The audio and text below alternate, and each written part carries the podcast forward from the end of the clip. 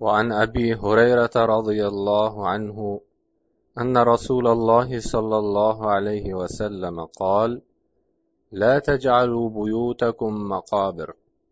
إن الشيطان ينفر من البيت الذي تقرأ فيه سورة البقرة. رواه مسلم.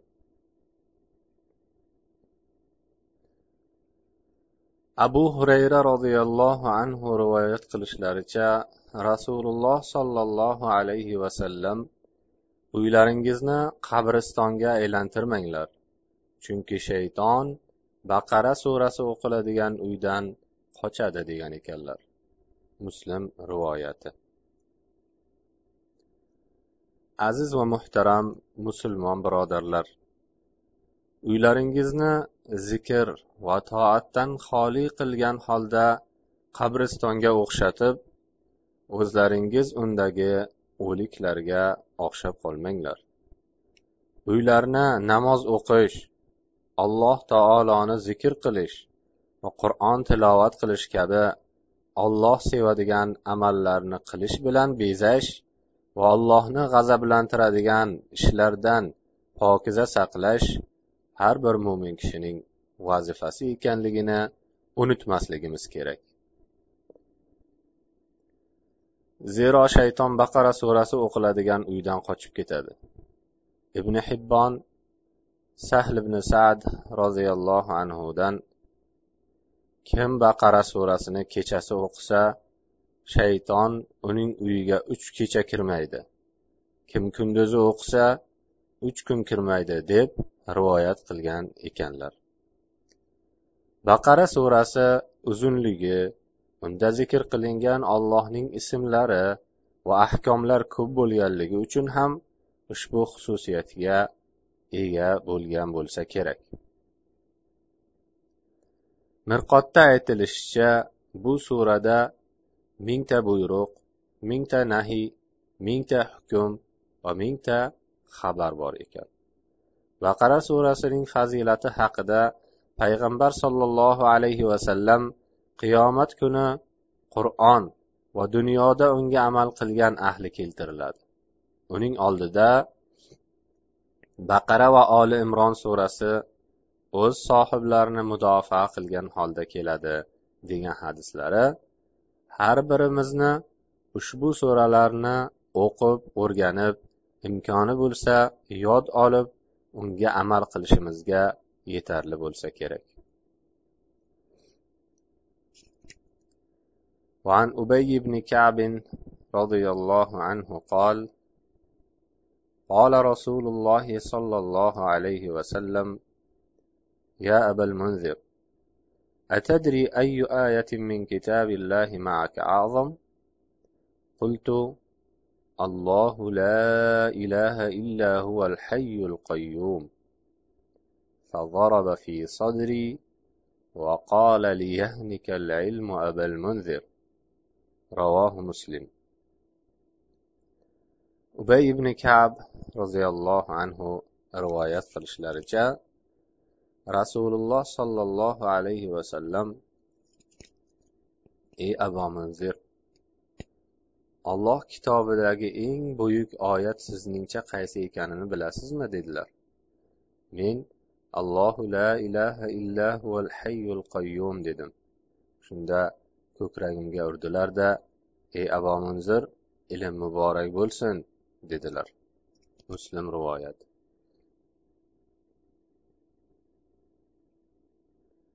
Hadisdagi rasululloh sollallohu alayhi vasallamning ey abu munzir ilm muborak bo'lsin degan so'zlarida ubay ibn kab roziyallohu anhuning fazilatlari va ilmlari ko'pligiga olim kishi o'z ashoblarini ehtirom qilishi va ularni kunyalarini aytib chaqirishi islom odoblaridan ekanligiga dalil bor. Shuningdek agar foydasi bo'lsa insonni yuzida maqtashlik ham joiz. Lekin maqtov sababli g'ururlanib taqvosi zaif bo'lgani uchun taltayib ketadigan bo'lsa maqtamaslik afzal.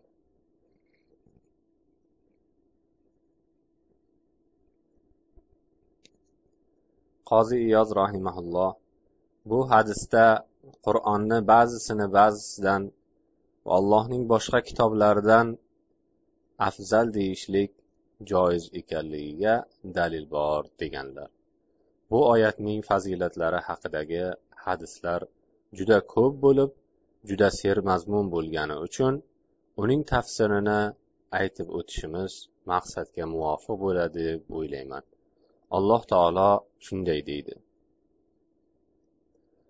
الله لا إله إلا هو الحي القيوم لا تأخذه سنة ولا نوم له ما في السماوات وما في الأرض من ذا الذي يشفع عنده إلا بإذنه يعلم ما بين أيديهم وما خلفهم ولا يحيطون بشيء من علمه إلا بما شاء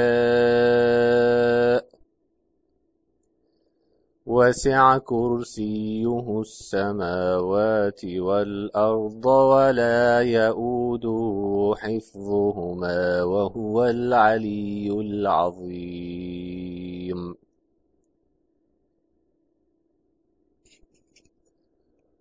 Allohdan o'zga hech qanday haq iloh yo'q. Faqat uning o'zi bordir. U tirik va abadiy turguvchidir. Uni na mudroq na uyqu olmaydi.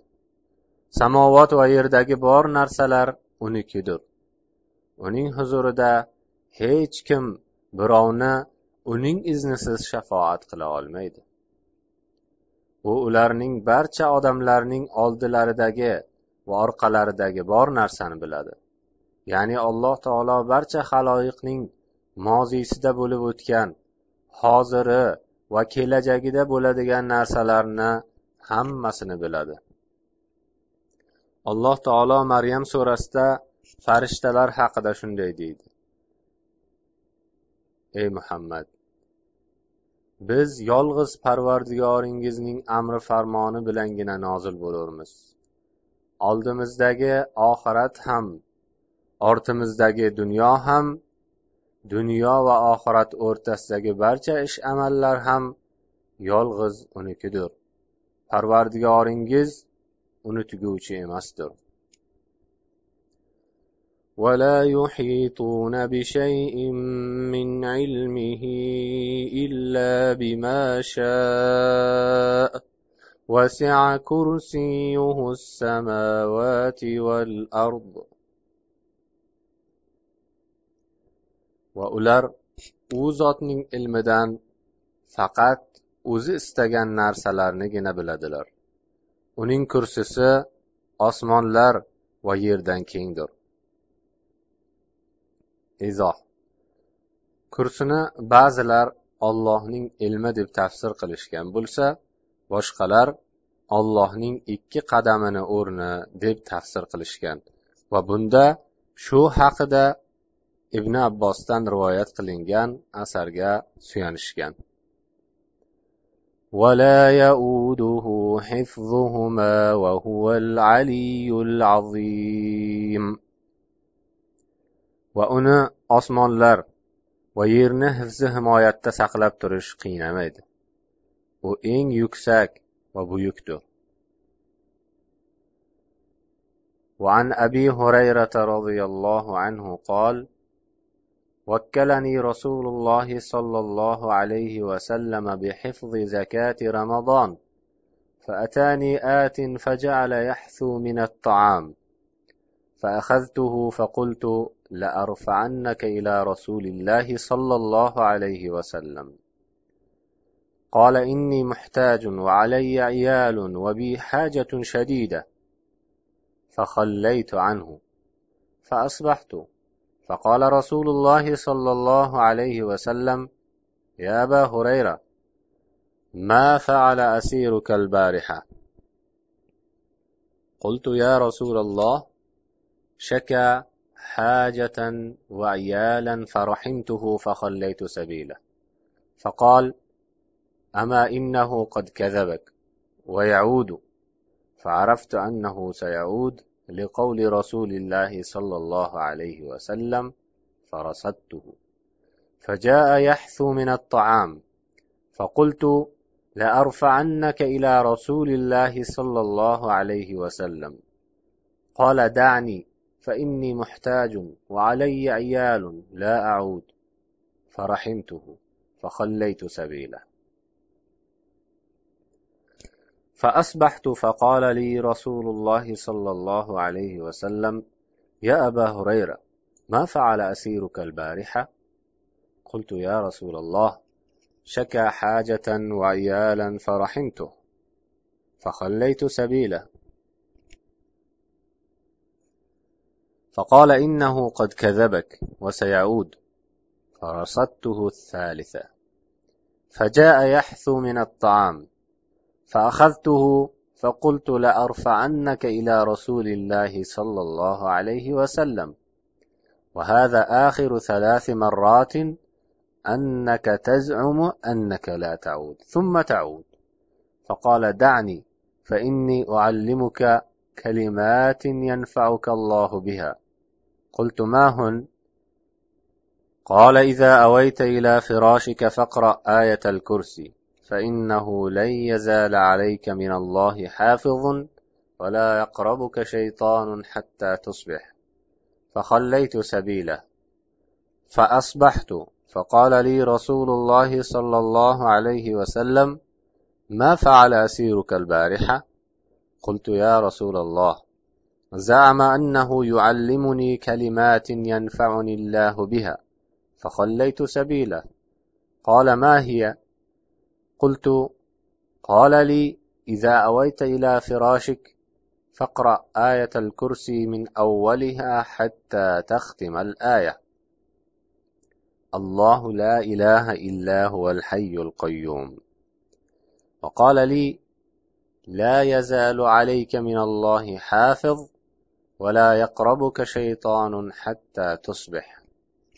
فقال النبي صلى الله عليه وسلم أما إنه قد صدقك وهو كذوب. تعلم من تخاطب منذ ثلاث يا أبا هريرة؟ قلت لا. قال ذاك شيطان. رواه البخاري. أبو هريرة رضي الله عنه ديدلر. رسول الله صلى الله عليه وسلم منجا رمضان زكاة قرخ لشن تفشردلر shunda bir kishi kelib taomdan ola boshladi. Shunda men uni tutib olib seni rasululloh sollallohu alayhi vasallamga olib boraman dedim. U men muhtojman farzandlarim ko'p zarur ehtiyojim bor dedi. Uni bo'shatib yubordim. Ertalab rasululloh sollallohu alayhi vasallam ey abu hurayra kechagi asring nima qildi? dedilar. Men ey rasululloh farzandlari va ehtiyoji borligini shikoyat qilgan edi unga rahmim kelib qo'yib yubordim degandim. Rasululloh sollallohu alayhi vasallam u seni aldabdi lekin yana qaytib keladi dedilar. Rasululloh sollallohu alayhi vasallamning gaplari sababli uni tezda qaytib kelishini bilib poylab turdim. U yana kelib taom ola boshladi. Men seni albatta rasululloh sollallohu alayhi vasallamga olib boraman dedim. U meni quyib yubor farzandlarim ko'p zarur ehtiyojim bor qaytib kelmayman dedi. Yana rahmim kelib uni bo'shatib yubordim. Ertalab rasululloh sollallohu alayhi vasallam ey abu hurayra kechagi asaring nima qildi? dedilar. Ey rasululloh farzandlari va ehtiyoji borligini shikoyat qilgan edi unga rahmim kelib qo'yib yubordim dedim.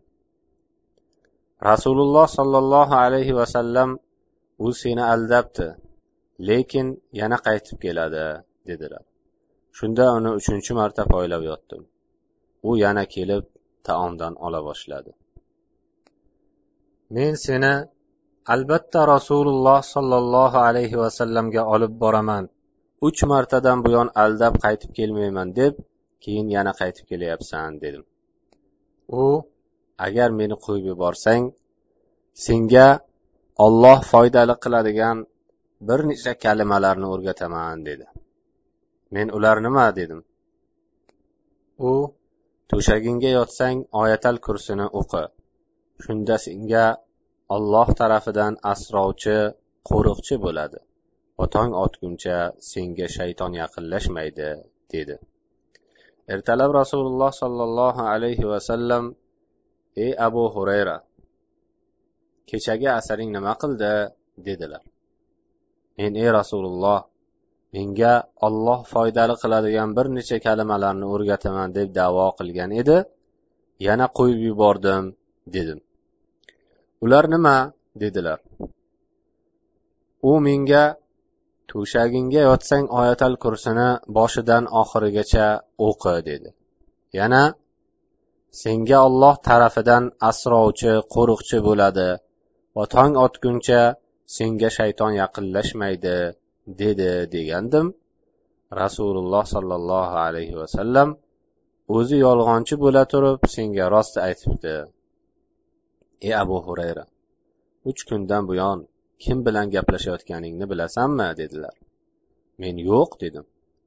Rasululloh sollallohu alayhi vasallam bu shayton edi dedilar. Buxoriy rivoyat. وعن أبي الدرداء رضي الله عنه أن رسول الله صلى الله عليه وسلم قال من حفظ عشر آيات من أول سورة الكهف عصم من الدجال وفي رواية من آخر سورة الكهف رواهما مسلم. abu dardo roziyallohu anhu rivoyat qilishlaricha rasululloh sollallohu alayhi vasallam kim kahf surasining avvalidan o'n oyat yodlasa dajjoldan saqlanadi degan ekanlar. Boshqa rivoyatda esa kahf surasining oxiridan dedilar. Ikkala rivoyatni ham muslim rivoyat qilgan.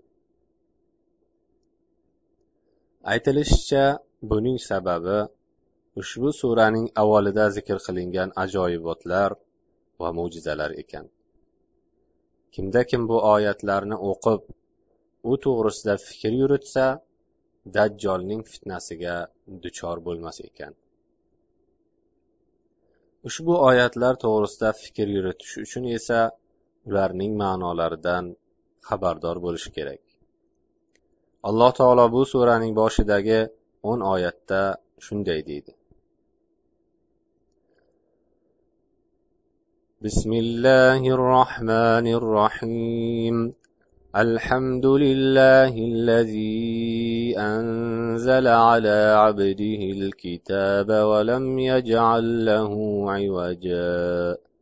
قيما لينذر بأسا شديدا من لدنه ويبشر المؤمنين الذين يعملون. ويبشر المؤمنين الذين يعملون الصالحات أن لهم أجرا حسنا ماكثين فيه أبدا. وينذر الذين قالوا اتخذ الله ولدا ما لهم به من علم ولا لآبائهم كبرت كلمة تخرج من أفواههم إن يقولون إلا كذبا barcha hamdu sano olloh uchundir u zot kofirlarni o'z huzuridan keladigan qattiq azobdan qo'rqitish va yaxshi amallar qiladigan mo'minlarga o'zlari abadiy qoladigan go'zal mukofot jannat xushxabarini berish uchun bandasi muhammad alayhissalotu vassalomga biron egriligi bo'lmagan raso kitob qur'onni nozil qilgandir. Shuningdek u zot o'zlarining ham ota bobolarining ham biron bilim ma'rifati bo'lmagan holda ollohning bolasi bor degan kimsalarni qattiq azobdan ogohlantirish uchun ushbu kitobni nozil qilgandir ularning og'izlaridan chiqqan so'z og'ir so'zdir ular faqat yolg'on so'zlaydilar فلعلك باخع نفسك على آثارهم إن لم يؤمنوا بهذا الحديث أسفا إنا جعلنا ما على الأرض زينة لها لنبلوهم أيهم أحسن عملا وإنا لجاعلون ما عليها صعيدا جرزا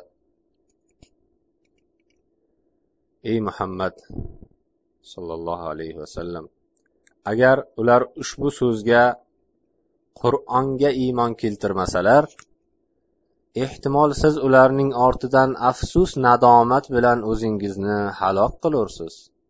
Bundoq qilmoq sizga noravodir. Albatta biz bandalarimizdan qaysilari chiroyliroq amallarni qilishlarini sinamoq uchun yer ustidagi bor narsani unga ziynat bezak qilib qo'ydik. Ya'ni o'sha bezaklarga aldanib mag'rurlanib qolmagan kishilargina bizning sinovimizdan o'turlar hech shak shubhasiz uning yerning ustidagi bezaklarini sip silliq qup quruq qilib yo'q qilib qo'yguvchi ham bizdirmiz أم حسبت أن أصحاب الكهف والرقيم كانوا من آياتنا عجبا balki siz kaf g'or va bitik ularning qissalari bitilgan tosh egalari haqidagi rivoyatdan voqif bo'lgach bu bizning oxirat qiyomat haqqi rost ekanligi to'g'risidagi oyatlarimizning eng ajoyibi deb o'ylagandirsiz? Izoh mufassirlar yozishlaricha ashobil kaf g'or egalarining qissasi bundoq bo'lgan ekan. Iso alayhissalom zamonlaridan keyin rum davlatlaridan birida daqyonus nomli zolim shoh chiqib odamlarni butlarga ibodat qilishga majbur qilar. Amriga bo'ysunmagan kishilarni esa o'ldirar ekan. Kunlardan birida unga fuqarolaridan bir necha yigit uning farmonidan bosh tortishib butlarga sig'inishmayotganini yetkazibdilar. Podshoh ularni o'z saroyiga chaqirib bu xabarning rost yolg'onligini so'raganida ular bizlar yolg'iz ollohdan o'zga biron kimsa yo narsaga sig'inmaymiz deb javob qiladilar. Shunda shoh ularga senlar yosh chiroyli baquvvat yigitlar ekansanlar. O'z jonlaringga jabr qilmanglar. Men senlarni o'ldirib yuborishga ko'zim qiymayapti. Yaxshisi ertalabgacha o'ylab ko'rib ertaga menga javobini aytinglar deb ularga ruxsat beradi. Yigitlar o'zaro maslahatlashib Allohdan o'zgaga bo'yinsungandan ko'ra shu badbaxt diyorni tark qilganimiz afzal deyishib tun qorong'usida shaharni tark qilishadi. Yo'lda yaylovdan o'tib borayotganlarida ularga o'sha yerlik bir cho'ponning iti ham ergashadi. Tongga yaqin bir toqqa yetib borishib katta g'orga kirishib yashirinadilar. Ertalab bu voqeadan xabardor bo'lgan shoh o'z askarlari bilan ularning ortidan tushib o'sha g'or og'ziga yaqinlashgach askarlar unga kirgani qo'rqadilar. Shunda daqyonus ularga g'ordagi yigitlar ochlik va tashnalikdan qirilib ketishlari uchun g'or og'zini berkitib tashlashni buyuradi. Lekin alloh taolo o'zining sadoqatli bandalarini halok bo'lishdan saqlaydi. Ularni uzoq uyquga cho'mdiradi. Uyg'onganlarida oradan uch yuz yil o'tgan edi. Bundan bexabar yigitlar bir yo yarim kun uxladik deb o'ylaydilar. Va oralaridan bittalarini yashirincha shaharga yegulik xarid qilib kelish uchun jo'natadilar. U yigit bozorga kelib taom sotib olib yonidagi tangani uzatganida sotuvchi hayron bo'lib bu daqyonusdan qolgan tanga ku biron yerdan xazina topib oldingmi? deb so'raydi. Yigit ham hayron bo'lib hech qanday xazina topib olganim yo'q bu mening qavmim ishlatadigan oddiy tanga deb javob qilib daqyonusga nima bo'lganini so'raydi. Bu orada to'planib ketgan odamlar uning allaqachon o'lib ketganini aytishib yigitni podshoh oldiga olib boradilar. Bu shoh mo'min solih kishi edi yigitdan o'zi va o'rtoqlarining boshidan kechgan voqealarni eshitgach askarlari va shahar ahli bilan o'sha g'or og'ziga boradilar. Ichkaridagi yigitlar daqyonus olib ketgani keldi deb o'ylashib o'lim oldidan so'nggi bir bor ibodat qilib olishga tutinadilar. Podshoh va uning odamlari g'orga kirishib ularni ibodat ustida ko'radilar. Va namozlarini tugatganlaridan so'ng podshoh yigitlarning har biri bilan quchoqlashib ko'rishib ularning boshlaridan kechgan sarguzasht alloh taolo bandalarini qiyomat kunida hisob kitob qilish uchun qayta tiriltirishi haq ekaniga bir oyat alomat ekanligini aytadi. Yuqorida mazkur bo'lgan va quyida keladigan oyatlarda mana shu ashobil kahf xususida so'z ketadi. Eslang o'shanda u mo'min yigitlar g'orga panoh istab borishib parvardigoro bizlarga o'z huzuringdan rahmat marhamat ato etgin va bizlarning ishimizni o'zing o'nglagin dedilar. Dajjol oxir zamonda chiqib avvaliga payg'ambarlikni so'ngra xudolikni davo qiladigan kofir kimsadir.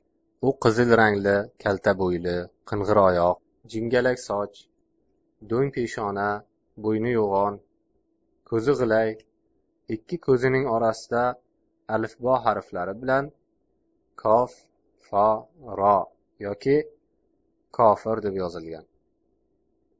Bu yozuvni o'qish yozishni biladigan yoki bilmaydigan har qanday mo'min o'qiy oladi. U mashriq tarafidan. Aniqrog'i xurosondagi isfahon yahudlaridan chiqib farishtalar qo'riqlab turganligi uchun makkayu madinadan boshqa hamma shaharlarni kezib chiqadi. Dajjolga odamlarni fitnalash uchun yomg'ir yog'dirish yer o'simliklarini o'stirish kabi odatdan tashqari bo'lgan oyat alomatlar berilar ekan. Uning fitnasi payg'ambar sollallohu alayhi vasallam xabar berganlaridek odam alayhissalom yaratilganidan to qiyomatgacha bo'ladigan fitnalarning eng kattasidir. Uning oxir zamonda chiqishligi ma'lum bo'lsa ham payg'ambarlarning barchasi odam farzandlari ushbu buyuk fitnaga tayyorgarlik ko'rishliklari uchun o'z qavmlarini uning fitnasidan ogohlantirishgan. Shuningdek payg'ambarimiz sollallohu alayhi vasallam ham ummatlarini uning fitnasidan ogohlantirganlar. Bu fitnadan faqat olloh najot bergan kishilargina qutulib qolar ekan. Darhaqiqat payg'ambarimiz sollallohu alayhi vasallam bu fitnadan najot topish uchun o'z ummatlariga bir necha bir necha ko'rsatmalar berganlar. Bularning ba'zilarini quyida bayon qilamiz. Birinchi islom diniga amal qilish va uni mahkam tutish. Ikkinchi alloh taolodan dajjol fitnasidan panoh berishini so'rash xususan namoz ichida. Imom muslim abu hurayradan rivoyat qilgan hadisda payg'ambarimiz sollallohu alayhi vasallam shunday deydilar. Birontalaringiz tashahhud o'qisa to'rtta narsadan Alloh panoh berib asrashini so'rab duo qilsin. Aytsinki allohimma inni auzu bika min azabi jahannam va min azabil qabr va min fitnatil mahya val mamat va min sharri fitnatil masihid dajjal. Ma'nosi ey olloh sendan jahannam azobidan qabr azobidan hayot va o'lim fitnasidan va masih dajjol fitnasining yomonligidan panoh so'rayman. Uchinchi kahf surasining boshi yoki oxiridan o'n oyat yodlash. To'rtinchi dajjoldan uzoqlashish va undan qochish. Chunki o'zini iymoni mustahkam deb o'ylaydigan ba'zi odamlar ham uning oldiga borsa uni yo'ldan ozdirib o'ziga ergashtirar ekan. Unga juda ko'pchilik ergashadi. Ergashganlarni jannatiga inkor qilganlarni esa oloviga kirgizadi. Uning jannati odamlarga bog' rog' bo'lib ko'rinsada asli olov bo'ladi. Olovi ularga olov bo'lib ko'rinsada asli bog'roq va shirin suv bo'ladi oxirgi oyatlarda alloh taolo shunday deydi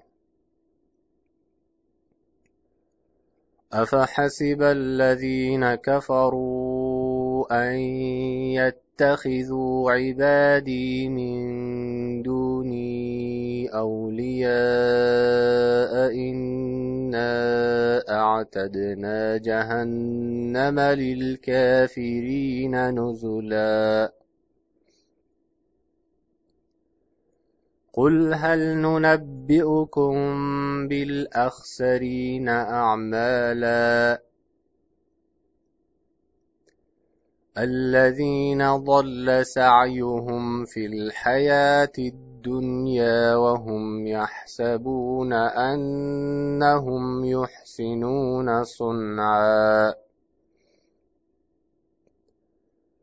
أولئك الذين كفروا بآيات ربهم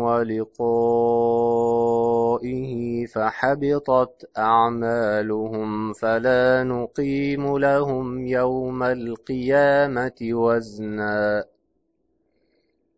ذلك جزاؤهم جهنم بما كفروا اتخذوا آياتي ورسلي هزوا. Yoki kofir bo'lgan kimsalar meni qo'yib bandalarimni do'st tutishni o'zim yaratgan farishtalar yoki iso kabi payg'ambarni iloh deb sig'inishni o'yladilarmi? Shak shubhasiz biz jahannamni kofirlar tushadigan joy qilib qo'ygandirmiz. Ey muhammad ayting sizlarga qilgan ish amallaridan eng ko'p ziyon ko'rguvchi kimsalarning xabarini beraylikmi? Ular kofir bo'lganlari sababli qilgan sa'y harakatlari hayoti dunyodayoq yo'q bo'lib ketganu ammo nodonliklari sababli o'zlarini chiroyli yaxshi amal qilayotgan kishilar deb hisoblaydigan kimsalardir. Ular parvardigorlarining oyatlarini va u zotga ro'baro bo'lishni inkor qilishib butun ish amallari behuda ketgan insonlardir. Bas biz qiyomat kunida ular qilib o'tgan amallar uchun hech qanday qadr qiymat bermasmiz. Kofir bo'lganlari hamda mening oyatlarimni va payg'ambarlarimni masxara qilganlari sababli ularning jazolari o'sha jahannamdir إن الذين آمنوا وعملوا الصالحات كانت لهم جنات الفردوس نزلا خالدين فيها لا يبغون عنها حولا. iymon keltirgan va yaxshi amallar qilgan kishilar uchun firdavs bog'lari manzil bo'lur ular u joylarda mangu qolar ekanlar boshqa biron joyga ko'chishni istamaslar قل لو كان البحر مدادا لكلمات ربي لنفد البحر قبل أن تنفد كلمات ربي ولو جئنا بمثله مددا ayting. Agar barcha dengiz parvardigorimning so'zlari ya'ni ilmu hikmatlarini bitish uchun siyoh bo'lsa va yana shuncha siyoh keltirsak ham parvardigorimning so'zlari bitishidan ilgari u dengizlar tugab bitar. قل إنما أنا بشر مثلكم يوحى إلي أنما إلهكم إله واحد فمن كان يرجو لقاء ربه فليعمل عملا صالحا ولا يشرك بعبادة ربه أحدا ey muhammad ularga ayting hech shak shubha yo'qki men ham sizlar kabi bir odamdirman menga tangringiz yolg'iz ollohning o'zi ekani vahiy etilmoqda. Bas kim parvardigoriga ro'baro bo'lishdan umidvor bo'lsa u holda yaxshi amal qilsin. Va parvardigoriga bandalik qilishda biron kimsani unga sherik qilmasin. Ya'ni qiladigan barcha amallarini yolg'iz olloh uchun qilsin. وعن ابن عباس رضي الله عنهما قال بينما جبريل عليه السلام قاعد عند النبي صلى الله عليه وسلم سمع نقيضا من فوقه فرفع رأسه فقال هذا باب من السماء فتح اليوم ولم يفتح قط إلا اليوم فنزل منه ملك فقال هذا ملك نزل إلى الأرض لم ينزل قط إلا اليوم. فسلم وقال أبشر بنورين أوتيتهما لم يؤتهما نبي قبلك. فاتحة الكتاب وخواتيم سورة البقرة لن تقرأ بحرف منها إلا أعطيته رواه مسلم. النقيض الصوت. Ibn abbos roziyallohu anhuma rivoyat qilishlaricha jibril alayhissalom rasululloh sollallohu alayhi vasallamning huzurlarida o'tirgan paytda tepalaridan g'irchillagan ovoz eshitdilar. Shunda jibril alayhissalom boshlarini ko'tarib bu bugun osmondan ochilgan eshik. Bundan oldin sira ochilmagan dedilar. O'sha eshikdan bir farishta tushdi. Jibril alayhissalom bu yerga ilk bor tushib kelgan farishta dedilar. Tushgach salom berdi da darhaqiqat sizga berilib sizdan oldingi bironta payg'ambarga berilmagan ikki nurning xushxabari bilan quvoning bu ikkalasi fotiha surasi va baqara surasining oxirgi oyatlaridir. Bu ikkalasidan qaysi bir harfni o'qisangiz albatta u sizga beriladi dedi muslim rivoyati. Alloh taologa beadad hamdu sanolar bo'lsinki fotiha va baqara surasining oxirgi oyatlari fazilati va ularning tafsirlarini yuqorida o'z o'rinlarida batafsil zikr qilindi. Babu istihbab ijtimo ala qiroa